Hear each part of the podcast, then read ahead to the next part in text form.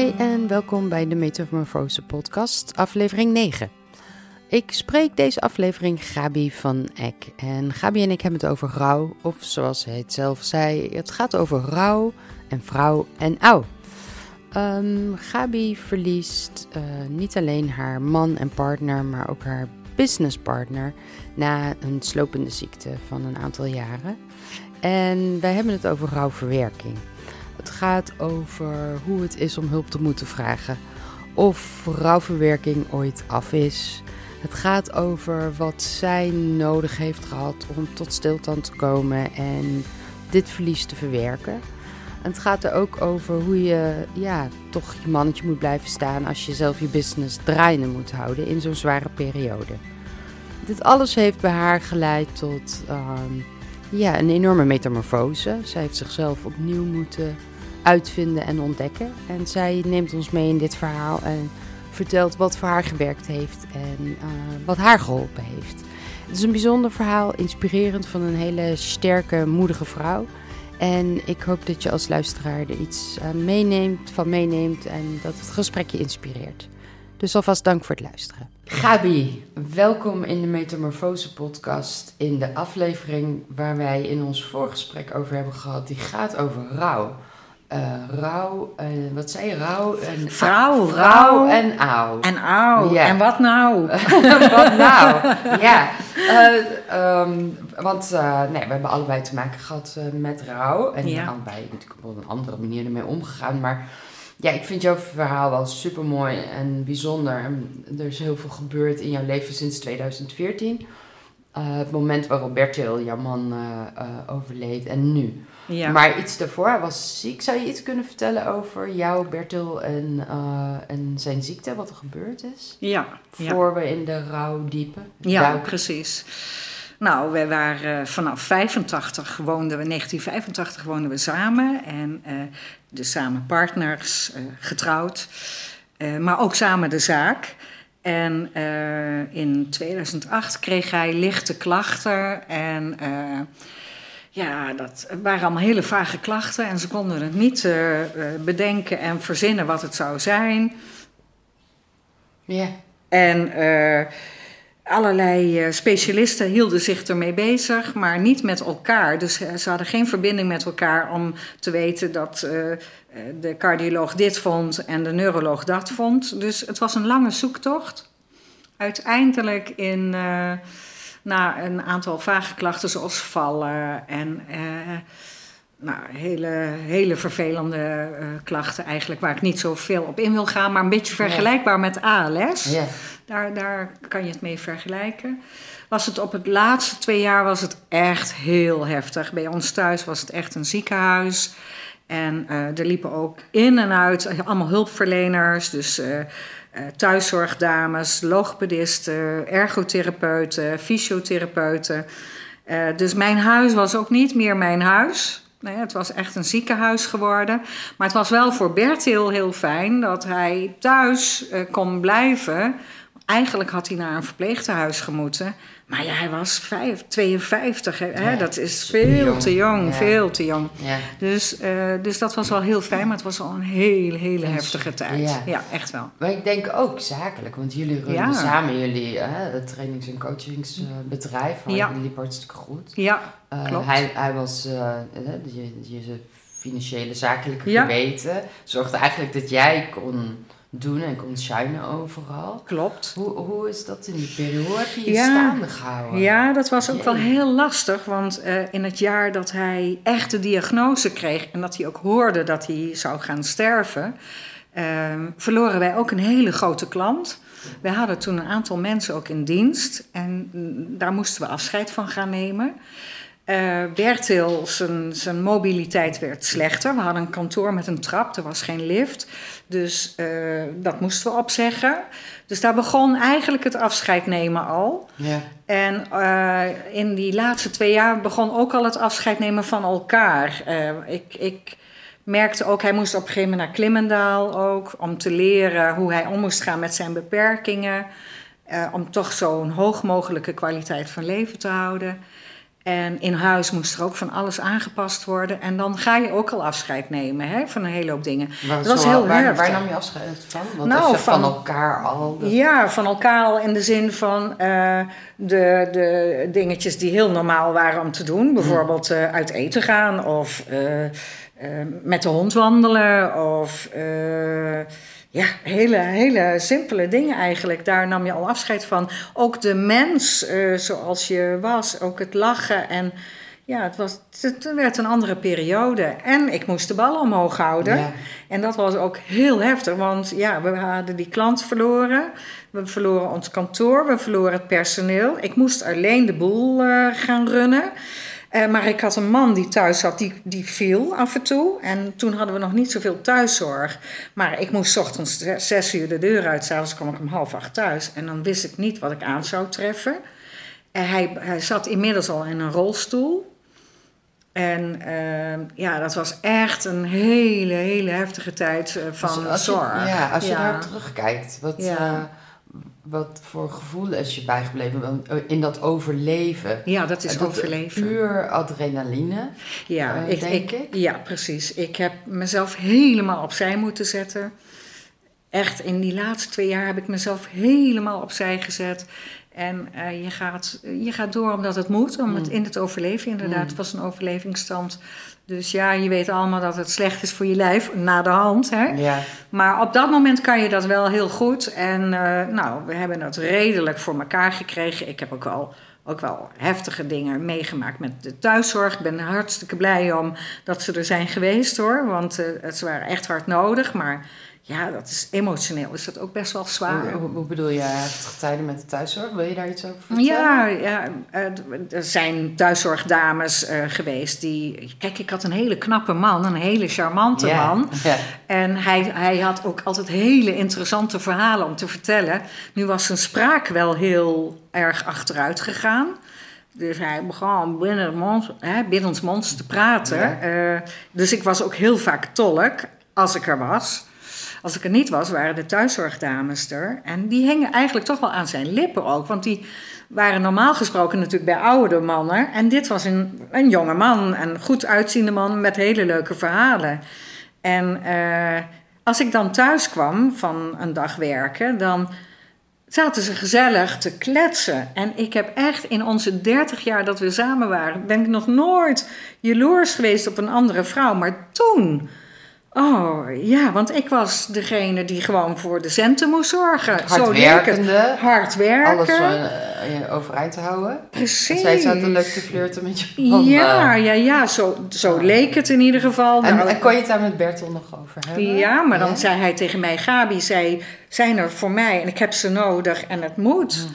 Dus, en dat snapte ik ook. En ik snapte ook hard. eh, Kijk, ik, ik ben heel empathisch, dus ik snapte ook heel goed dat zijn wereldje heel klein was Ja. en de mijne nog steeds eh, ruimer was. En dat zijn behoefte toch wel was dat hij ook zijn ei kwijt moest. Dus ik Ja. snapte dat heel goed. Maar oh, wat deed het me af en toe pijn. Ja.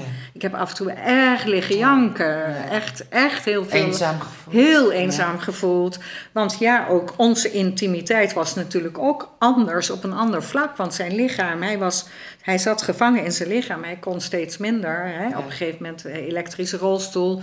Een eh, super elektrisch bed van, met de motoren die draaiden. En dat hij er hè, met twee dames uitgetild moest worden. Eigenlijk moest er ook een lift Hmm. komen. Dus je wil het niet weten. En overdag, als die dames weg waren en ik was er, dan was hij moe. Want eh, dat was vergt heel, ja. veel, Ja. eh, heel veel energie van hem. Hebben jullie wel tot op het laatst nog eh, emotioneel verbinding Ja, kunnen houden? ja, zeker. We hebben, de nachten waren voor ons. Hmm. Hè, als er niemand meer was, dan waren de nachten voor ons. En ik was op een gegeven moment, we, we hadden dat bed in onze bed laten bouwen. Dat zijn zijn gehandicapte bed, zeg maar. Ja. En eh, hij lag eh, met zijn eh, hoofd en zijn lichaam, zijn bovenlichaam omhoog. Dus in een soort van zitstand, want anders zou zijn keel dichtklappen. En ik ben toen met mijn hoofd aan zijn voeteneind gaan liggen. Dus wij konden naar elkaar kijken en dan kon ik mijn hand schuiven in zijn hand in het Oh, bed. Ja. En dan s'nachts hadden wij wel gesprekken en hadden we op die manier hadden wij ja, Hmm. toch wel ons contact en onze liefde die we konden voelen voor elkaar. Ja. Ja, zeker. Dus dat, dat was er absoluut wel. Maar goed, dat waren de nachten. En de volgende dag Ja, moest ik wel moest weer wel gewoon weer, eh, aan de buffelen. slag en buffelen. En eh, gewoon, eh, het leven ging dan Mm. door. Dus het waren wel echt tropenjaren. Ja. Ja, ja, Ja. zeker. Maar wel ook waardevolle jaren hoor. Want dat was wel op een bepaald vlak met elkaar. Dat is ook wel heel intens. En ook kijken naar hele kleine dingetjes zoals eh, bloemetjes die in de tuin opkwamen. Of hè, dat soort dingen. Daar konden we dan samen van genieten. Ja, dat wel. Maar het was, het was heel heftig. Uiteindelijk is ze in eh, 2014 overleden. Ja. Ehm, is het uiteindelijk natuurlijk gegaan of hebben jullie eh, moeten kiezen voor eh, Ja, hulp wij- bij overlijden? Ja, we hebben daar wel hulp bij gekregen, want eh Bertel zou uiteindelijk gaan stikken. Hm. Hè, de, de, eh, de hersenen, hij had dus die hersenziekte, dat, eh, dat is het verschil met ALS. Eh, hij had een, echt een hersenziekte en die gaf de prikkels niet meer door aan de organen. Dus eh, hij zou uiteindelijk eh, Ja. ja, stikken. En dat wilden Dat we niet. niet, nee. En hij, kon, eh, hij heeft op een gegeven moment gezegd: als ik niet meer kan communiceren en niet meer kan eten, dan is het klaar. En ja, dat was logisch natuurlijk. En dat maakte wel dat je er samen naartoe kan leven. Dat is wel het verschil. Hè? Eh, met, met wat een hele hoop mensen natuurlijk meemaken, dat het als het plotseling gaat. We konden er samen naar leven en hij heeft ook zijn eigen begrafenis kunnen regelen. Ja.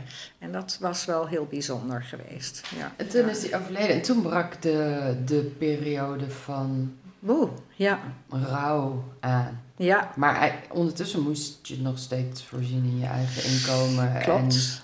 En hoe, hoe, is die hoe is dat eerste jaar geweest? Ja, dat is waanzin is het eigenlijk geweest. Eh, want eh, eigenlijk rondom het overlijden al had ik paniekaanvallen in de auto. Nou, je weet dat mijn werk was. Overal in Nederland moest ik naartoe in de auto. Ja. En eh, ik, ik durfde niet meer te rijden. En ehm, dat was ook wel heel heftig. Eh, ik heb dus eh, een vriendinnetje gehad die eh, op dat moment werkeloos was. En die zei, oké, ik sta wel aan je deur. En dan rijd je wel naar Almere bijvoorbeeld. En dan, dan stond ze er weer om vijf uur. En dan bracht ze me weer naar huis. Dus daar ben ik heel dankbaar voor. Dat was fantastisch. Ehm, op een gegeven moment ben ik wel weer gaan proberen. Want ja, ik heb zelf zoveel... Heb je ook een tijd niet gewerkt? Heb je dat kunnen, kunnen jezelf kunnen g- gunnen. veroorle- Ja, in ieder geval minder gewerkt. Ja. Kijk, eh, toen wij het, eh, het trainingskantoor, het bureau hadden, eh, moest er gewoon omzet gedraaid worden, ook voor het personeel natuurlijk. En nu was ik alleen. Ja. Dus ja, dat scheelde. En ja, ik heb niet zo heel veel nodig. Dus alles wat ik nodig had, dat heb ik verdiend. En dan eh, hoefde dat niet zo, niet, niet full, full, fulltime. Hè, ik werkte natuurlijk 80 uur in de week Ja, voorheen. ik kan me ook voorstellen, dat was natuurlijk ook wel wat je op een andere manier weer draaiende hield. Die adrenaline en dat doorpakken. En hè, ook, ook komende vanuit de generatie van hard werken en Juist. eh, niet, niet Ja. willen me poetsen. Ja, zeker. Nou, dat was ook gelijk toen Bert was in november overleden en in januari eh, ben ik weer een beetje gaan rijden. Ik had toen ook een opdracht in Almere dus, wat ik net vertelde. Maar wat er toen ook gebeurde was, ja, ik had altijd zoiets van, ja, oké, nou, eh, hè, moeilijke jaren gehad, hup, weer er tegenaan, schouders eronder. En eh, toen, eh, toen zei een vriendin van mij van, kom, we gaan naar de sauna in, eh, in Duitsland. Toen zei ik, is goed, dan rij ik heen. Dan zit jij naast mij, dan rij ik heen, dan zit je ernaast. Hè, dat, dat geeft wat, eh, wat, wat, wat steun. Ik zeg, en dan rij jij s'avonds terug. Nou, dat was goed, dat deden we. Nou, dat was goed gegaan. En s'avonds rijden we terug. En eh, dat was in een van onze autootjes die ik nog over had. Want we hadden in, de, in het jaar daarvoor onze auto's verkocht om van te leven ook nog. Ja. Ja, want zo, zo financieel, zo moeilijk was het op een gegeven moment ook. Eh, maar in dat kleine eh, autootje, dat was nog een eh, rest van de leaseauto's, reden we s'avonds en het regende heel erg. En mijn vriendin die reed dus en zij zegt, oh, wat pakt die een hoop wind, die auto. Ik zeg, ja, Bertel wil eigenlijk ook dat ik een stevige auto rij, hè, omdat ik overal naartoe moet. En in dat ik dat zeg, bam! op de snelweg zo'n ree op de auto. Oh, Op nee. onze neus. En, en, en, en, en zij schreeuwt nog van help, help, help. Dat, dat is er. Ze reed door. Ik zeg doorrijden, doorrijden, doorrijden. En uh, zij uh, zegt, oh, dat was een wild zwijn. Ik zeg, nee, dat was een ree. Nee, ze heel veel vacht. Ik zeg, ja, dat was de wintervacht. ja, oh, dat, je wil het niet weten. Ja, maar je had gewoon een, een, een, een, een aanrijding. we hadden een aanrijding op de snelweg, op de A12, in, ter hoogte van die dam. was een ree op onze auto gesprongen. En je wil het niet weten, we zijn doorgereden, maar Ja. de hele neus lag eraf. En eigenlijk, eigenlijk hadden we niet door kunnen rijden. Het was echt een wonder. Het was echt een wonder. Want de, de eh, garage die de auto de volgende ochtend heeft opgehaald, die, die heeft met verbazing staan kijken hoe in godsnaam wij eh, hebben kunnen blijven rijden. Wat heeft dat met je gedaan, die, die, die aanrijding? Ja, toen werd mijn angst voor in de auto rijden weer, was weer even getriggerd natuurlijk. Dus dat was wel heel heftig. Maar ik vond het ook heel bizar. Want Bertel was eh, van zijn hobby, was hij jager. Het was ook een zoon van een jachtopzichter. Dus ik sprak met, had met hem, over hem gesproken in de auto. En baf, kwam er een ree op de auto. Alsof het een signaal was van, Gaap, je moet een andere auto. Ja, of Gaap, moet je niet eens wat rustig aan Of doen? moet je het niet eens wat Ja. rustig aan doen? Ik dacht toen nog van, hij geeft mij, nu het signaal van een andere auto. Dus ik de volgende dag gelijk naar een van zijn jachtvrienden gebeld. Waarvan ik ook wist dat hij in de autohandel zat. Of in ieder geval Ja. autohandelaars in zijn netwerk had. Van, ik moet een andere auto. Wil je met mij een andere auto gaan zoeken? Dus nou, dat heb ik toen gedaan. Nou, hop, weer schouders eronder. Ja. En weer door. Hoeveel signalen heb je gehad? eh, Echt veel. ja. Echt heel Kun- veel. Kun je, ja. ja. kun je eens aangeven wat er gebeurd is tot je op het punt kwam dat je echt stil kon staan? Ja. Nou ja, toen dacht ik al wel van, ah, dit hè. Mm. Eh, maar goed, je moet door. Eh, toen heb ik een whiplash gekregen van heel, heel stom eh, ongelukje. Dat ik een nieuwe matras moest ik hebben. En die, en die had ik dubbel gevouwen in mijn auto. En eh, ik deed alles zelf, hè, want dat Ja, vond ik, ik ja. moest dat allemaal zelf kunnen. Hè. Ik vraag niet snel om vrouw, Precies, en je vraagt niet om hulp en zo. Hè.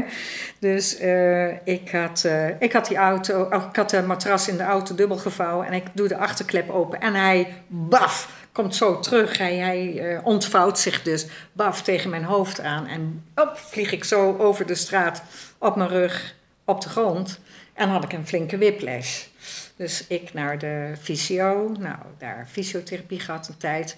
En dat was een fysiotherapeut die holistisch was ingesteld trouwens, ook een NLP'ster. En ehm, dus die sprak met mij wel over deze dingen van, goh, hè, wat, eh, wat betekent dit nu echt eigenlijk? Ja. ja. Dus daar kwam ik wel achter, maar ja, ik moest toch door. En zij liet mij wel aan mijn lichaam zien. Mijn lichaam gaf allerlei signalen ook af van... Gaap, hou, doe nou eens rustig. Hmm. Maar ja, mijn, dat oude patroontje zat er toch in van jagen, jagen, doorgaan, doorgaan, inkomen Was en het zo. ook eh, vermijden? Het, haar, het doorgaan? Om, eh, dat weet ik niet hoor, dat is een vraag. Ja. was het vermijden om, om, de- om de rouw echt in te gaan? Of om Nou. doorgaan? Maar, of was het gewoon echt de bittere noodzaak van ik moet geld verdienen? En, Ja, er moest natuurlijk wel een... eh, ik, ik wilde weer gewoon. Ik wilde Ja, weer gewoon. normaal, ja. Ik wilde weer mijn leven oppakken. Mm. Maar ik zat als een zombie op de bank s'avonds. Echt, ik kon helemaal niks. Ik kon ook bijna niet lopen dan. Ik kon, ik kon eigenlijk helemaal niks. Het heeft echt anderhalf jaar geduurd dat ik eh, werkte. En dan s'avonds als een zombie op de bank zat. En Mm. huilen, huilen. Je wil niet weten hoeveel tranen. Ik weet niet, eh, hoe, hoe was dat voor jou dan ook? Ja, even, toen, toen René eh, kwam te overlijden, die is natuurlijk ook onverwachts overleden. Ja, Ehm, redelijk onverwachts. Eh, ja, ehm, ik heb maar heel kort gedacht dat ik gewoon door kon gaan. Ehm, een paar weken. En toen ben ik alleen gestort. Maar ook wel, ook wel gedacht eh, dat- dat ik het allemaal wel zelf kon redden. ja, maar nou, ik ben redelijk snel in therapie gegaan. Oké. Ja, en Ja. ehm, de, ook veel gehuild. Ja, ja. Wel echt, eh, eh, ja, ik, had, ik was natuurlijk inmiddels al met Andros en eh woonde al samen en, en die kleine over de vloer. Dus wel heel hele andere. Dan was het no- nog gekker om gelukkig en verdrietig te zijn ja, ja, ja. Dat vond ik heel moeilijk. Van, Ja, oké, waar, waar, past, waar past in dit leven nou die rouw? Ja, Ehm, En, en eh, in het begin was mijn motto, uh, wanneer, kan, wanneer is dit over? Ja. Ik wil dat het over Ja. is. Ik wil dat het over, ik Ja. weet niet of je dat herkent. Ja, dat herken het ik. moet over zijn, het moet Ja. overgaan. En Ja. eh, eh, niet, eh, nog niet beseffende, voldoende rust hebben dat je denkt van, nou ja, dat weet je, het is nooit over. Ja, Het is een on- je moet het integreren in je leven en je accepteert het. En bij mij speelden nog heel veel andere dingen. Hè, René heeft een einde aan zijn leven gemaakt. Eh, ook iets waar je nog heel erg eh, op een andere manier mee bezig bent. Ook voor hem, van hoe was het nou? En, Ja. ehm, eh, ja, er- waren zoveel facetten. En eh, tot op de dag van vandaag denk ik iedere dag nog wel aan hem op een of andere manier. ja, Ehm, maar ik ben niet meer intens verdrietig. En dat, dat komt natuurlijk omdat ik A, heel gelukkig ben. En ja toch fijn. eigenlijk een hele bijzondere liefde heb eh, Ja. ontmoet. Enerzijds en anderzijds omdat ik wist dat René eh, leed aan het leven. Ja, Dus ik heb hem en mij eh, ook vergeven op een bepaald moment. Zo van, ja, maar dit is het gewoon. ja, Hij heeft nu rust. ja, Hij leed aan het leven. Ja. En dan eh, gaat het om hem en niet om mij. ja. Ja. Dus, maar ja, die tranen, dat ken ik. Dat je echt niet meer weet waar je op moet houden. En, eh, Je denkt bij jezelf, waar komen ze waar vandaan? komen ze vandaan? Ja, ja, ja, echt, echt bizar is Ja. het gewoon. Ja, ja ik, ik, heb, ik heb toch nog wel een harde leerschool gehad in die jaren. Want ik, ik heb dan die galblaasoperatie op een gegeven moment gehad. Dan, nou, ik ging ook... eh, ik werd wel gebracht door een, een buurvrouwtje naar het ziekenhuis. Maar dan ga je alleen naar zo'n anesthesist. Hè, dan ga je op zo'n bedje liggen. En dan zegt die man tegen mij... De, de verpleger rijdt me de operatiezaal in. En dan zegt hij... Goh, mevrouw, wat gaat u doen? Ik zeg, nou, ik ga een hele hoop shit hier achterlaten. Gal. Hele hoop gal.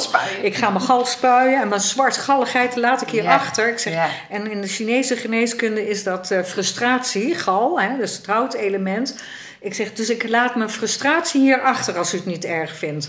Toen moest hij heel erg lachen. En, maar dat, is dan wel, dat zijn wel momenten. Dan, dan eh, kom je weer uit die operatie en dan kom je bij. En dan, Wie En waren dan- er bij je op dat moment? Op niemand. dat soort momenten? Nee, niemand. Ging je alleen? Ja, en dat was ook wel verdrietig hoor. Want Ja. dan kom je er weer achter dat je toch wel heel alleen bent. En kijk, mijn dochter, die, mijn dochter woont in Maastricht en die was ver weg en die had haar studie en haar baan en die had haar eigen leven, maar ook haar eigen rouwmomenten Ja. natuurlijk.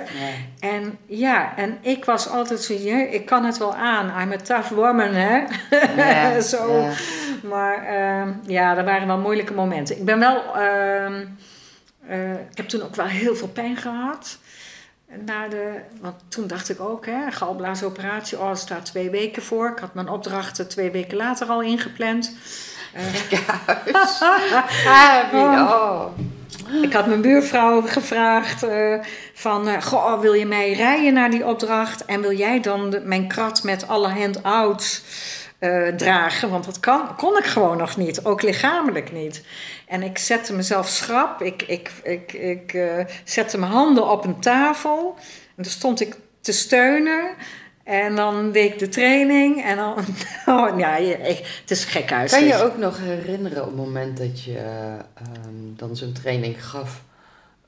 Was je er wel? Of hoe voelde het? Ja, weet je wat, wat, wel is gebeurd in de rouwperiode? Eh, dat ik eh, toch wel ook vroeger, of eh, in, mijn, in mijn leven voor het overlijden, eh, had ik een professionele houding zo van, nou, wat er met mij is gebeurd of gebeurd in mijn leven, daar heeft mijn klant of mijn cliënt, of hoe je het wilt noemen, mijn coachie of Mm. trainee, heeft daar geen boodschap aan. Het gaat om hun. En eh, ik ben daarin heel erg veranderd ook. Ja. Ik ben toen toch wat meer gaan vertellen over mezelf en over mijn, mijn echtgenoot die overleed en over hoe ik daarin stond. En het, soms liet ik ook wel eens een traan. En nou, dat was nat dan in het in de leven voor het overlijden. Hè? Nee. Maar nu deed ik dat. En ik merkte dat een heel groot aantal eh, deelnemers in trainingen dit ook eh, ja, bijzonder vonden dat ik het deelde. Dat, eh, ik heb ook zelfs wel gehoord van mensen die mij voor het overlijden kenden en daarna. Dat ze zeiden van, goh, je bent best warmer geworden. Ja, ja.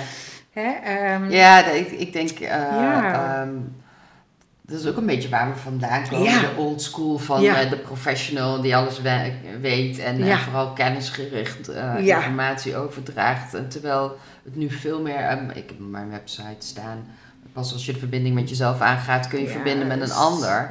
En dat heb ik ook juist door die periode leren, leren ontdekken. Dat, ja. Nee, de- enerzijds hè, juist in, in, in, in die hele slechte periode best steken laten vallen. Waarvan ik ook achteraf dacht van ik had eerder moeten stoppen en dat was ook niet goed. ja. Aan de andere kant daarna ook weer juist in contacten wanneer je, eh, je hoeft niet je lekker gebrek te delen, maar wanneer je wel laat zien dat je ook mens bent. En, ja eh, hè, zeker. Ja. de- ja, en een aantal dingen hebt meegemaakt. Heel veel mensen herkennen zich er dan ook juist in. Ik vind ook echt dat jij er anders uitziet dan Ja, vroeger. Veel relaxter eigenlijk ook, hè? Ja, Ik ontspannender. moet- ja, veel, nou veel meer het, bij mezelf. Hè? Ja. Want dat, dat is natuurlijk ook.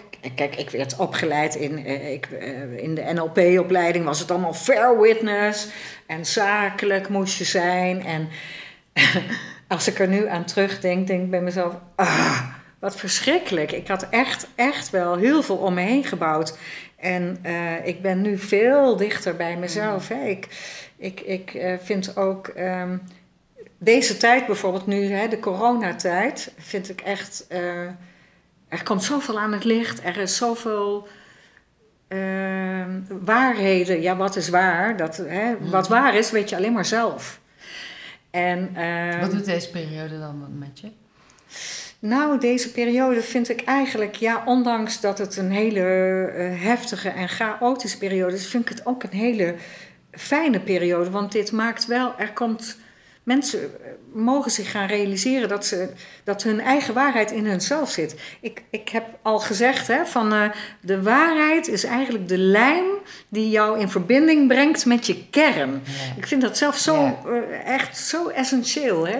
Dus Dat wat, is een mooie. ja, dat is een mooie. Hè? En waarin pas je dat principe dan toe? Of die, de, de, de- deze filosofie? Wat? Nou, nu bijvoorbeeld, ik bedoel, zo deze podcast, wat ik nu aan het vertellen ben en wat ik nog ga vertellen, zo zou ik echt, nou, zeker voor het overlijden niet vertellen. Nee, Want ja, nee. wie had er een boodschap aan wat er met mij was gebeurd? Mhm. En eh, nee, ik moest die professionele Gabi blijven Mm. en eh, zakelijk blijven en zorgen voor eh, inkomsten en zorgen dat de kwaliteit van je dienstverlening goed was. En niet, niet bedenken van, hé, hey, is het ook nog belangrijk wat je zelf meebrengt en wat je zelf vindt. En ik merk ook dat ik in al die jaren toch wel behoorlijke laagjes eromheen heb gebouwd. En ook, ook in je huwelijk natuurlijk. Hè. Je gaat samen, Bertel en lang bij elkaar, dus samen ga je een ontwikkeling in. Ja.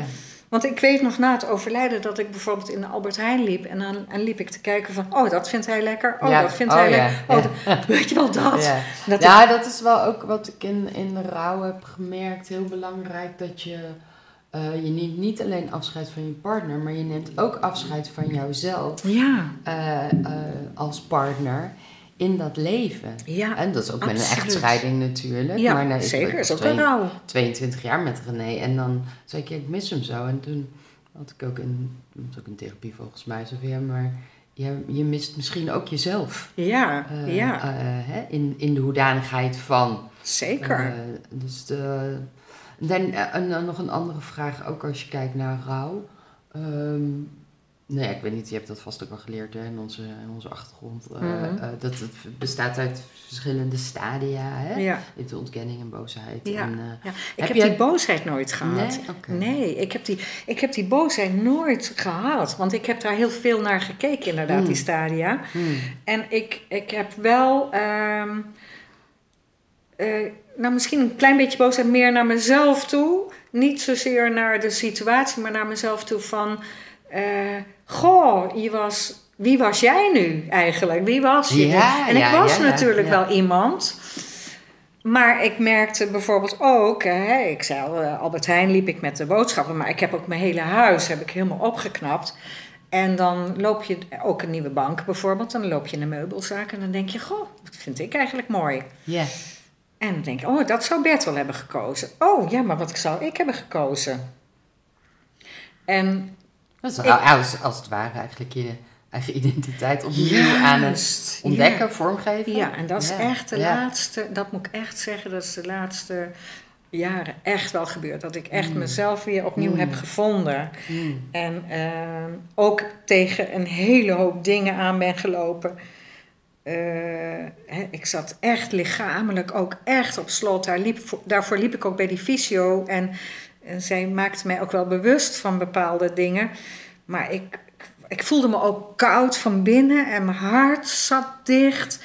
En ik dacht dat ik nooit meer zo'n man zou vinden zoals Bertil. En, en toen, toen begon ik toch ook wel te verlangen weer af en toe naar van... Goh, ja, maar ik zou toch ook wel weer eens, weer eens een man willen leren kennen. En hoe ga ik die dan leren kennen? Oh, ik weet niet hoe ik dat moet doen. En, Wanneer was dat ongeveer? Dat je, Nou. wat ben je toen gaan doen? Ja, ik heb anderhalf jaar na, na nee, tweeënhalf jaar denk ik na het overlijden. Toen zei ik wel uit de gein tegen vriendinnetjes van, nou, ik wil eigenlijk een man eh, waar ik goede gesprekken mee heb. En ik wil graag een man waar ik lekker mee uit eten ga. Of misschien mee naar de film, of mee naar een eh, stad Schouwburg of zoiets. En ik wil graag een man voor de romantiek of voor de seks.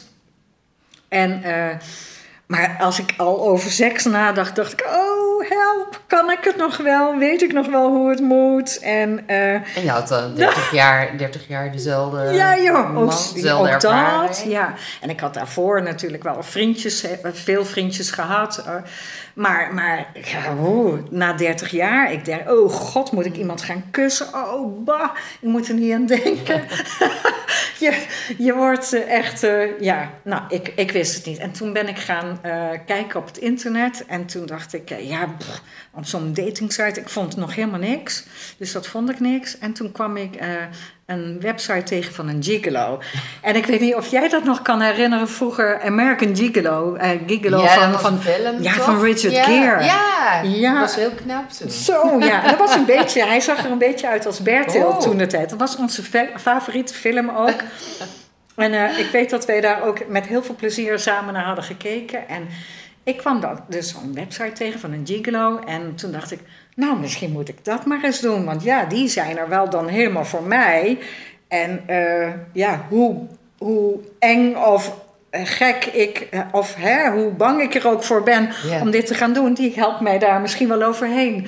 Dus Wauw. ik, ja, ik vond het ook wel stoer van En, mezelf. en, hoe doe je dat? Gewoon eh Nou, telefoon pakken? en- Nou ja, nou nee, daar stond een, eh, een eh, WhatsApp-adres onder en een eh, mailadres. Dus ik had, eh, ik geloof dat ik eerst gemaild heb ja. van goh, jeetje, ik vind het doodeng en ik weet eigenlijk helemaal niet hoe dit allemaal moet.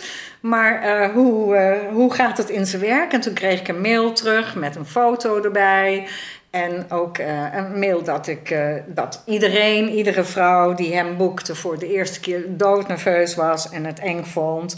En eh, dat, dat, dat het allemaal wel goed kwam. en, maar dat hij zou willen weten welke locatie ik wilde.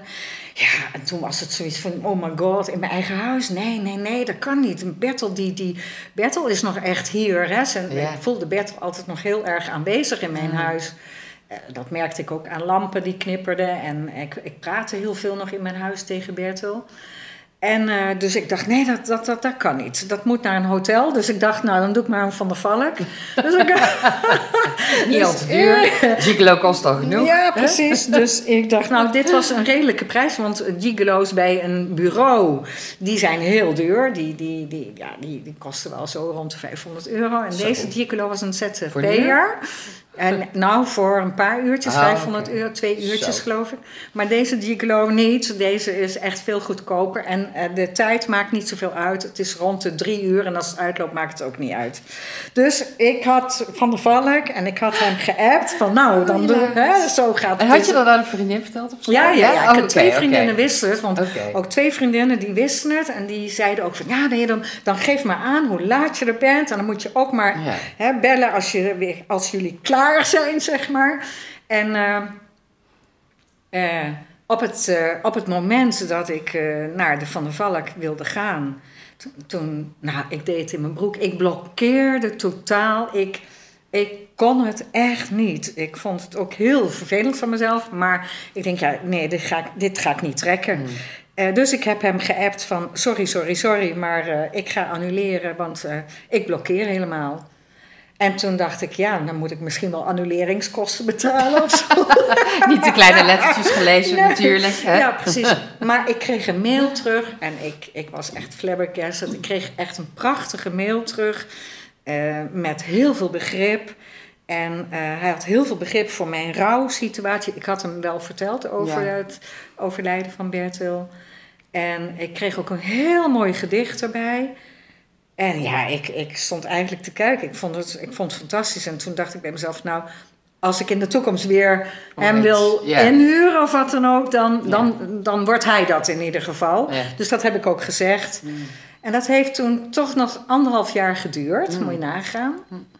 Wat eh, was er aan zelfontdekking in die anderhalf jaar nog gebeurd? Ja, ik ben toen. eh, Ben je dingen anders nog gaan doen? Eh, je hebt ook wel verteld, hè, best nog wel afscheid moeten nemen van mensen. Ja, vrienden, ja, ja, zeker. liep, eh, Ja. Je business die veranderde. ja, ik, ja, wat dat betreft is het wel echt de laatste zeven jaar wel zeven jaar vol met eh, afscheid nemen. Mm. Afscheid nemen van.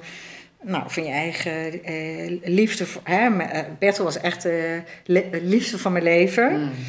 Ehm, afscheid nemen van eh, je heel, hele fijne secretaresse dus, eh, die ik heb gehad. Afscheid nemen van eh, eh, auto's, materiële dingen is helemaal niet belangrijk. Maar goed, het is wel een vorm van afscheid nemen ook. Maar ik had natuurlijk ook vriendinnen. Ik had een hele goede vriendin ook. waar ik ineens niet meer mee op één lijn lag. En ik merkte ook dat ik in één keer. Ik, ik, ik, mensen wilden mij zo graag helpen en ik wilde dat niet. Mm. En zij klampten me daardoor aan mij vast. Tenminste, dat voelde ik zo. Ja. Misschien hebben ze dat niet zo bedoeld, Ja. maar zo voelde dat voor mij. En eh, dat kon ik niet hebben. Ik Ik kon het toch dat je alles alleen wilde doen? Ja, broer. Heftig hè? Ja, heel ja, heftig. Ja, ja. Ik kan me nog wel herinneren dat wij, eh, dat moet dan drie jaar geleden zijn, eh, toen ben je een keer bij mij geweest. Ja, En toen, eh, om, om bij te kletsen, ook toevalligerwijs dat we even weer aan het praten Ja. raakten. ja, En eh, ja, toen zaten we allebei natuurlijk op een heel ander Ja. spoor. ja. Ik eh, dik aan het tinderen en toen zei hij, oh ja, nee, daar, daar moet ik allemaal nog niet aan denken. Nee, nee, maar klopt. hou me maar op de hoogte. Ja, Maar ja. toen was je echt ook heel, ja, bijna afstandelijk. Ja, ja, precies. Ik, ja, ik had. Het, het enige waar ik me veilig voelde was in mijn eigen huis, Mm. in, in mijn bubbel, op Ja. mijn bank. Maar ik kon me dan ook nauwelijks bewegen. Ja, het was echt wel. Misschien was het verdriet gewoon te groot. Ja, het was Ja. echt heel, Ja. heel, heel groot. Ik heb het ook echt heel lang heel veel tranen gelaten. Ik Mm. weet ook dat mensen aan mij zeiden van... Zit niet zoveel in je huis, kom naar buiten. En zo. Ik kon het niet. Ik, ik, ik, ik voelde me alleen maar lekker in mijn eigen huis. Heb Ja, je iets van eh, hulp gezocht nog verder of therapie? ja of- ik, die, die fysio die hielp me heel goed. Want zij Hmm. was dan eh, niet alleen aan het masseren, maar we hadden ook wel hele goede gesprekken. Ik heb ook wel heel veel... Nou ja, weet je, ik heb natuurlijk allerlei studies ook in mijn hele Ja. leven gedaan ten aanzien van coaching enzovoort. En ik heb wel aan de meer-coaching heel veel gehad. Wat is dat? Meer is eh, mentale intuïtieve reset. Ja. En dat zijn een aantal stappen die je doorloopt. Het is een zelfhulpprogramma ook. Dus eh, ik heb dat met Bertil namelijk gedaan vlak voordat hij overleed. En daardoor is hij mentaal heel krachtig geweest. Hij is ook echt op een hele, ja, bizarre, klinkt bizar, maar een hele goede manier is hij overleden. Een heel krachtige manier is hij overleden, mentaal gezien. Eh, dus dat, eh, en dat heb ik ook gedaan, eh, de jaren in rouw. Dus daar ben ik ook wel veel mee aan de slag gegaan. Ja, ik probeerde altijd ook te sporten en te doen. Nou, en dan viel ik weer en dan, en dan scheurde ik weer een heupspier. Dus dan werd ik weer teruggezet. Eh, ik ben op een gegeven moment, eh, dat weet ik nog wel heel goed, eh, een eh, oudjaarsavond. Nee, ja, het was oudjaarsdag 2016. Het vroor, het was heel glad buiten. En ik liep met mijn hond buiten, of ik liet hem uit en ik loop naar buiten toe en ik glij verschrikkelijk uit. Het was, het was 1 januari trouwens, 's ochtends vroeg. En ik lig daar op de grond. Baf, ik viel. En het was heel stil op straat. Niemand liep er, want iedereen had natuurlijk feest gehad enzovoort. En ik lag daar. En mijn hond bleef naast me staan. En er was niemand. En ik kon niet omhoog komen. dat weet ik nog wel heel goed. En ik lag daar en ik keek naar boven en ik dacht, ja, en nu? Wat verdorie, Gabi. Ah, jeetje. Wanneer houdt het nu eens op dat je altijd maar doorgaat, doorgaat, doorgaat? Hmm. En dat is wel de doorbraak, denk ik, geweest. En toen dacht ik, nu ben ik aan de beurt. Helemaal ben ik aan de beurt. Nu moet ik niet meer die schijn ophangen of proberen die sterke vrouw te zijn. En altijd maar doorgaan. En toen heb ik, ben ik op de. Oh, toen, kwam, toen kwam er op een gegeven moment een andere vrouw met een hond langsgelopen. Die zei: Oh, wat is er? Ik zei: Nou, ik kan niet meer op of om. Toen ben ik, heeft ze mij omhoog geholpen.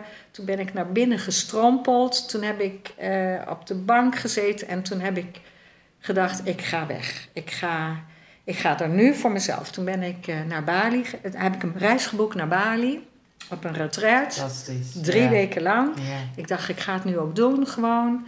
Eh, Ik had een hele goedkope vliegreis. eh, een heel mooie retraite ben ik toen gaan doen. En zelfs op het retraite ben ik verschrikkelijk gevallen. Ik had eigenlijk naar het ziekenhuis gemoeten toen. ja, dus weer een signaal. Hoeveel- weer. hoeveel Hoe vaak moet je? moet je hebben? ja, hoeveel signalen moet je hebben inderdaad. Het Is het naar Bali eh, veranderd? Na Bali is het wel steeds... eh, ja, na Bali is het je wel... bent jezelf als het ware gaan afbellen daarna, Ja, hè? dat is het. Ja. Het was elke keer een stukje. Het was niet in één keer dat je dan daar Nee, staat. nee. Het is elke keer een stukje, een stukje, een stukje. En ja, ik. ja. Ja, ik denk ook wel. ehm, ja, ik heb er zelf natuurlijk een hele hoop aan gedaan. Wat heeft je er Eh, meer geholpen? Ja, wat heb je nog meer geholpen? Ja, ik heb dus of, ik heb hard gewerkt. Toen ben ik maar eens Nog wat minder hard hard. gaan werken. Toen, Ja. ja. dat ben ik Ja. toen gaan doen. Minder Ja. hard gaan werken. Eh, veel meer gaan genieten. En toen... ehm, nou ja, dan komen we weer eigenlijk op die gigolo terug. Ook toen dacht ik, op een gegeven moment was ik er aan toe. Oh nee, nee, nee, ik weet nog hoe het ging. Eh, mijn moeder van eh, 88, die, eh, ja, die vroeg ook steeds meer aandacht. En ik, oh ja, mijn broer was inmiddels ook overleden nog. Daar heb Ja, ik ook afscheid ja. van genomen. Ja. Daar heb ik dus ook nog een tijd aandacht Mm. voor gehad. Moet je nagaan, hè? er is zoveel gebeurd in die jaren. Hoeveel kan een mens Hoeveel hebben, kan een mens hebben, ja. En nadat mijn broer ook overleden was en mijn moeder ook wat meer zorg nodig had en mijn dochter, hè, ja, elke keer hielden we elkaar in stand. Als het slecht met mij ging, dan kwam zij mij helpen. Ging het slecht met haar, dan kwam ik haar helpen. Mm. En eh, gelukkig woont zij samen met een hele lieve vriend. En eh, nou, Dat scheelt ook dat voor jou, scheelt denk heel ik, veel, Ja. inderdaad. Ja. En heeft ze ook echt wel haar eigen leven. Mm. Ehm, en, maar ook haar eigen struggles. Eh, maar op een gegeven moment was het zo dat ik voor mijn moeder ook moest zorgen. En er gebeurde nog iets. Ik moest nog ergens voor zorgen. Ik weet zo 1, 2, 3 niet meer wat. Maar ik kwam thuis op een avond, een zaterdagavond. Ik was helemaal gefrustreerd. Ik denk, wie zorgt er voor mij? En hoe ga ik nu aan mijn pleziertje komen? En toen dacht ik, hé, hey, staat die Gicolo nog in mijn, in mijn telefoon? En ik keek, ja, hij stond er nog in. Ik Onder de G van Gino. Ja, echt waar, onder de G van Gigolo. Oh, hilarisch. Gigolo René heet hij. René, zoals jouw eh, echt Ja. ex-man heet. Eh, maar eh, ik heb hem eh, geappt. Ben je beschikbaar vanavond? En ik dacht, oh, wat doe ik nu? Geweldig. en, eh, en hij was beschikbaar. En hij kwam na eh, anderhalf Hoe uur. was dat? Super spannend. Ja, super Ik vind het al super, even, even tussendoor, ik vind het al super spannend dat je dit vertelt. Ja, dat is het ook hoor. Dit is ja. ook super spannend dat Ja. ik dit vertel. Want ik Maar weet het dat... is wel aan de andere kant, weet je. de- andere mensen zeggen, nou ja, dan ga ik op Tinder en dan, eh, dan heb je ook een date. Precies, Weet je, nou- dit is natuurlijk eigenlijk Klopt. puurder. Ik, ik moet eerlijk zeggen, ik was het half jaar daarvoor was ik ook wel op een datingsite gegaan. En dan ben ik wel twee mannen tegengekomen. En, eh, ja, waar, waar ik hele rare dates mee heb gehad. Waar ik ook dacht van, nou, is dit het nu? En ik merkte ook wel dat, eh, ik denk, ja... Hoe raar waren ze? Even Nou, ja, Echt raar. echt raar. Oké. Echt Te raar. voor, voor Te een raar om, podcast. om ja, te- dat, dat moet maar een andere podcast gaan worden. Ja. Maar in ieder geval, uh, ja, dat is ook nog een verhaal apart. Ah, wat dat betreft, ik ga, daar ga ik wel nog een boek over schrijven. Over mijn Genoeg dates. Want ik, stof uh, ja, dat, verhalen. ja, dat wordt een soort van in, in, uh, in de vorm van Bridget Jones-achtige. Ja. Nou, dat is grappig, want toen ik aan het daten was en heen, mijn vriendin hing aan mijn lippen iedere week, want ik maakte van alles mee. Toen zei ik, ja, maar ik doe research, want Juist. mijn boek heet Iris in Tinderland. Nou, kijk. En, en ik was echt ook vast van overtuigd dat ik daar een keer een mooi boek over zou schrijven. leuk. Het was, ja, het was leuk en dramatisch en stom en, en grappig en alles. Weet Ja, je, dat ja, weet je ook, klopt. hè? Dat deed Ja. het is verschrikkelijk Ja, dat is eigenlijk maar- heel verschrikkelijk. Ja, eh, en, en gelukkig kwam ik gewoon eh, al heel snel eh eh Andros tegen. Ja, geweldig. Ja, eh, hebben wij het er nog wel eens over van, eh, nee, natuurlijk ons verhaal was ook een Tinder verhaal. ja. ja. Eh, maar godzijdank dat het eindigde, want dat boek was, Zo. het was vast hilarisch geworden, Ja. hè? dat, dat Ja. à la Bridget Jones, maar Ja. het is ook wel intens hoor. Dat, ja, eh, het is, het is verschrikkelijk. En weet je wat het ook is? Het is, eh, ja, ook als je dan kijkt naar, naar eh, seks, dan, ja, je weet niet wat je in huis haalt, hè? En, en, en, en ja, ik, ik ben... nog, ja. En, je, en, en hygiënisch en, en dat soort, al ja. die dingen, denk je. Nou, en dat is een gigolo dus wel, Ja. weet je? Die, die gigolo, die, die was er in ieder geval. Super op hygiëne, super veilig vrijen. Eh, ook nog eh, heel lief, heel eh, begripvol en heel veel aandacht voor wat je wilde. Dus En hij ik- kwam die avond. Hij kwam die avond en ja, we hebben eerst koffie gedronken. Geen wijn of zo. Koffie, notabene, ja. En eh, eerst even zitten praten en hij heel respectvol sprak hij ook over Bertil. En ja, heel mooi. En ja, Hmm. nou ja, goed, hij... op een gegeven moment zei hij van, nou, zal ik je lekker gaan masseren? En zo, is, zo start hij dan ook. En ja, hoe fijn is dat, weet je? En echt alle aandacht gekregen. En eh, ik was erg snel op een gegeven moment op mijn gemak gesteld. En, eh, en dit was trouwens in mijn huis. Toch in Toch, mijn huis, dus ja. niet naar, in een Van kil, valk. kil van de Nee. valk. Dus ik had zelf ook, inmiddels had ik ook een hele mooie slaapkamer. En ik had het ook sfeervol gemaakt, want dat vind ik ook wel heel belangrijk. En ik had eigenlijk ook, ik had de wijn wel klaarstaan, maar goed, hij drinkt geen wijn. En ik had ook hapjes neergezet. En ik dacht er echt een uitje van te maken. Dat was het ook wel. Ja, hapjes ook tussendoor, dacht ik nog. Laten we er een gezellig avondje van maken.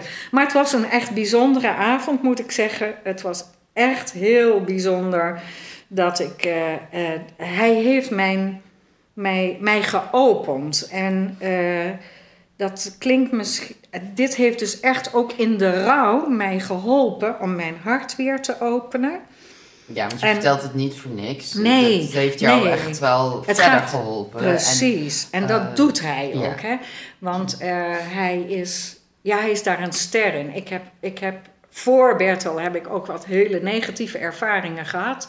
Eh, met vriendjes en, en ook eh, in de seks hele negatieve ervaringen in de vorm van aanranding. Zal ik niet over uitweiden. Eh, maar Bertel was mijn veilige haven, 30 jaar lang. Ja. 30 jaar lang een veilige haven. En dan ineens dus met een andere mannen, dat, boe, dat is wel even heftig. En deze Gigolo René, die, die is daar heel erg, is een, ook een bijzondere man. heel bijzondere man. begrijp, die kan dat echt, die, Ja. die, heeft, die, die vertelde mij ook dat hij met vrouwen werkt ook. Dat, dat vrouwen daar eh, misschien soms al 25 jaar lang geen seks hebben kunnen hebben. Niet kunnen genieten van seks. Die hij dan weer kan helpen. En dat heeft hij bij mij ook gedaan. Hij heeft echt mijn hart geopend. Mijn, mij weer mijn vrouw laten voelen. Mijn, ja, echt wel. eh, eh, ja, op een hele bijzondere manier. Dus ik, ik, ik kan het eigenlijk iedere vrouw aanraden.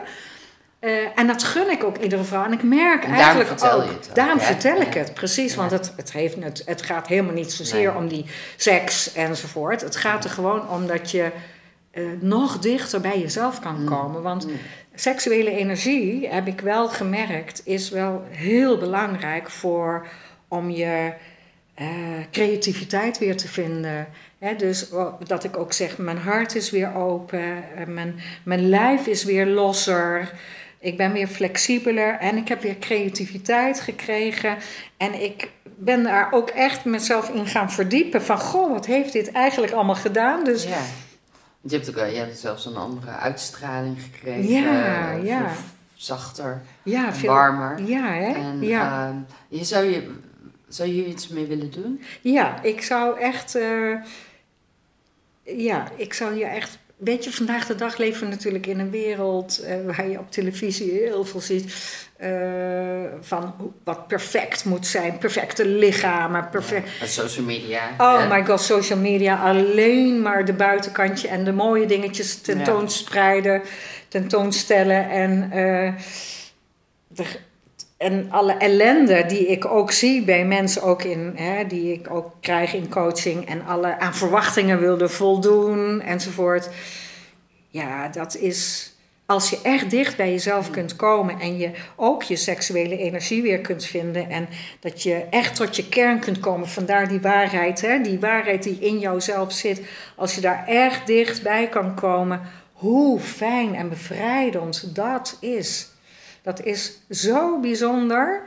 Ehm, en daarom vertel ik het ook, want het is natuurlijk heel spannend wat ik hier allemaal vertel. Nou, ik vind het heel knap van je. Ja, Maar heeft ook te maken met vrouwelijke energie versus... Want als Ja. je kijkt ook hoe jij vroeger opereerde en nu... ja, zeker. Ik trek een beetje vergelijking ook wel naar mezelf. Ik ben Ja. ook grootgebracht in mannenbedrijven. Ja. Veel op hard werken, Ja. veel op wilskracht, Ja. veel op... eh, Zeker. laten zien dat je het allemaal wel eh, mee kan eh, met de grote eh, mannenwereld en zo. Ja, ja. En, en dan die ommezwaai hè, ja. naar, oh, er is ook nog een vrouwelijke kant en een vrouwelijke energie die heel fijn en Zo. belangrijk is. Ja, En, ja, die heb ik heel lang niet, ge, niet laten zien hoor, die vrouwelijke energie. En nu wel. Ik, ja, dat is, dat is denk ik ook wat jij net zegt, die zachtheid die je nu ook terugziet.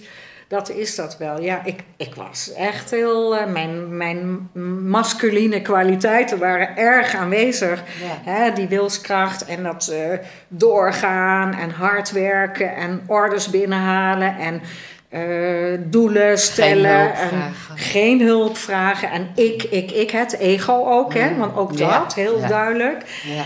En nu denk ik bij mezelf van, oh, ik, ik leef zoveel meer vanuit liefde voor Mm. zaken. En ik voel dat ook zo. En ik voel, het vrouwelijk is nu natuurlijk ook het ontvangende. Hè? En ik voel in mijn bekken ook zo de schaal eh, van waar ik uit kan putten. En dat ik dat door mijn hele lijf kan voelen eigenlijk, die energie. En dat ik veel meer kan geven, maar ook kan ontvangen. Ook kan ontvangen, Ja, hè? want geven deed ik hè? altijd wel. Balans. Maar ja, dat, was, dat is, dat is ja, heel bijzonder en heel erg prettig. En Mm. eh, ja, En als je, als je daar eh, meer vorm aan zou eh, moeten geven of willen geven, hoe ziet dat er dan uit dat je hier iets meer mee zou willen doen? Hè? Want dat is, ja. dat is een andere Gabi. Ja, Hè? zeker. Ik denk dat Bertel met eh, grote ogen veel verbazing en bewondering eh, naar je kijkt. hè? Ja, ja, ja, eh, zeker. jeetje, mijn Gabi is Ja. Ja, nou hij staat wel met zijn duimen omhoog hoor. Ja. Hij, vindt het, hij vindt het heel goed hoe Ja, ik zo bezig ben. En eh Bertel zei vroeger wel eens tegen mij, Gaap, ze zijn allemaal bang voor jou. en, en toen vond ik dat nooit zo leuk om te horen, maar ik vond het ook wel oké. maar nu denk ik bij mezelf, nee, weet je, dat hoeft helemaal Nee. niet. Ja, je zegt, wat zou je ermee willen doen? Ik, ik heb eh, eh, heel globaal al een programma in mijn hoofd over eh, wat ik Om vrouwen te helpen. Om vrouwen te helpen hierin, ja. En eh, zeker vrouwen die eh, business eh, hebben, hè, een CEO, vrouwelijke CEO's, zeker ook. Want die zitten met name nog steeds in dat stuk van moeten, moeten vechten tegen, Hmm. of vechten tegen, maar toch wel in een competitiestrijd soms lijken te zitten. Veel die masculine kwaliteiten laten zien, terwijl de wereld juist die feminine kwaliteiten nodig heeft. Eh, en ehm, die zachtheid juist nodig heeft. En dat samen doen. En die liefde. Hè, vanuit liefde dingen Ja. voor elkaar willen doen. En zo die, die, die samenhang krijgen. Ja, ik denk dat de wereld dat heel erg nodig Mooi. heeft. Ja. Ja. En waar sta je zelf nu als Gabi? Zonder de business? Wat, hoe ziet je leven er nu uit? Want je werkt nog steeds. Ja, ik werk nog steeds. En zoals je het al hoort, eh, ben ik wel met andere dingen ook bezig. Hè? De, eh, de echte training of coaching die ik vroeger deed op het gebied van customer service of managementvaardigheden enzovoort. Dat, dat heb ik. Tuurlijk zit het in mijn rugzak en ik heb het. Hè, en ik kan het eruit halen als het nodig is. Maar ik zit toch wel veel meer dat ik heel graag wil dat mensen zichzelf kunnen zijn. Mm. En dat ze echt tot hun kern komen. En dat je perfect bent met je imperfecties. Ook Ja, dat. ja. Hè? En dat we niet volgens dat eh ideaalplaatje hoeven zijn, maar dat je prachtig bent als je jezelf kunt laten zien vanuit die kern. Dan kan je iemand zien stralen. En ja, dat, dat, dat is, Dat is wat, dat jij is wat een mens. Ja. wij zijn toch allemaal wel licht en wij kunnen Mm. stralen. Hmm. En als we ons helemaal verpakken in allerlei laagjes, dan is dat licht niet te zien. Hè? En dan, eh, dan kunnen we niet die, dat, die liefde, zeg maar, uitstralen ook. Dat licht en die liefde uitstralen. Ik denk dat we daar veel meer naartoe mogen. En, eh, maar daardoor, kijk, en dat realiseer ik me ook, ook zeker met deze podcast. Daardoor zullen mensen die daar nog niet aan toe zijn, ja, neem je dan afscheid van. En mensen die Klopt. die eigenlijk, oh, deep down inside ook denken: oh, ik wil ook zo graag mezelf zijn. Ja. En, eh, En tot die kern komen. Ja, ja, Ja. ja. En soms is dat ook heel lastig, want ik kan me herinneren van mezelf in al die jaren in mijn huwelijk voor het overlijden. Dat ik heel vaak dacht: ja, maar ik ben toch mezelf, zo ben ik toch. Dus dat je het zelf nog niet weet. En er moet soms toch iets heftigs gebeuren in Ja. je leven, denk ik. Soms moet er iets heftigs gebeuren Klopt. om, baf, Ja. om door te breken. Ja, Mooi. ja, dat is heel mooi. Hey Gabi, ik vind eh, dat je een prachtig verhaal hebt verteld. Ik ben ontzettend eh, blij dat je dit eh, met mij en mijn luisteraars eh, hebt willen delen. Ja. Ehm, is er tot slot nog iets wat je graag zou willen zeggen of meegeven aan mensen die nog midden in die struggle van rouw zitten, die nog, ehm, ja, die nog niet alles hebben afgebeld, die nog niet Ja, de vertraging hebben gevonden om ja, hè, te voelen wat goed is voor ze? ja. Nou ja, misschien als ze dit verhaal horen en horen eh, dat ik geen hulp in de eerste instantie heb gevraagd en dat allemaal maar alleen wilde doen, omdat ik zo in elkaar zat of zo opgevoed ben of geleerd heb dat te doen. Dat ze hierdoor geïnspireerd raken om dat maar wel te doen. En om maar te praten met elkaar. En dat niks gek is, weet je. En dat rouw, er is geen, geen gebruiksaanwijzing voor. Er is echt geen... ge- Iedereen rouwt op zijn eigen manier. En eh, ja, ik, ik, eh, ik denk... eh, ik, ik zou het heel fijn vinden als door dit verhaal... mensen daar toch door geïnspireerd raken van... eh, ik ga er toch iets mee doen. eh, ik ga toch hulp vragen. En ik ga eh, ook het lef hebben om mezelf te laten zien. Ja, Mooi. ja, Dankjewel. ja. Ik heel graag gedaan. Ja, ik ga natuurlijk verwijzen in de show notes naar daar waar jij te vinden bent. Mhm, Mochten dankjewel. mensen jou op willen zoeken naar aanleiding van Ja. dit verhaal en geïnspireerd raken. Ja, En ehm, ja, eh, het was mooi.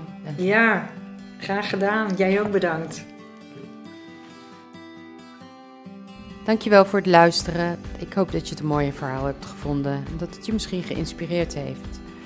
Ehm, je kunt me een plezier doen door je te abonneren op deze podcast als je er meer van wilt eh, horen. Ehm, en een review achter te laten eh, op de app waar jij je podcast op luistert. Eh, ik ben altijd benieuwd wat mensen vinden van de Metamorfose podcast. Daarnaast kun je kijken op irissturgeon.com als je wil weten wat voor diensten ik lever op het gebied van podcasting voor bedrijven. En ehm, ook ben ik te vinden op LinkedIn en Instagram. En kun je me volgen onder Iris Sturgeon. Eh, nou, graag tot de volgende keer. Dankjewel.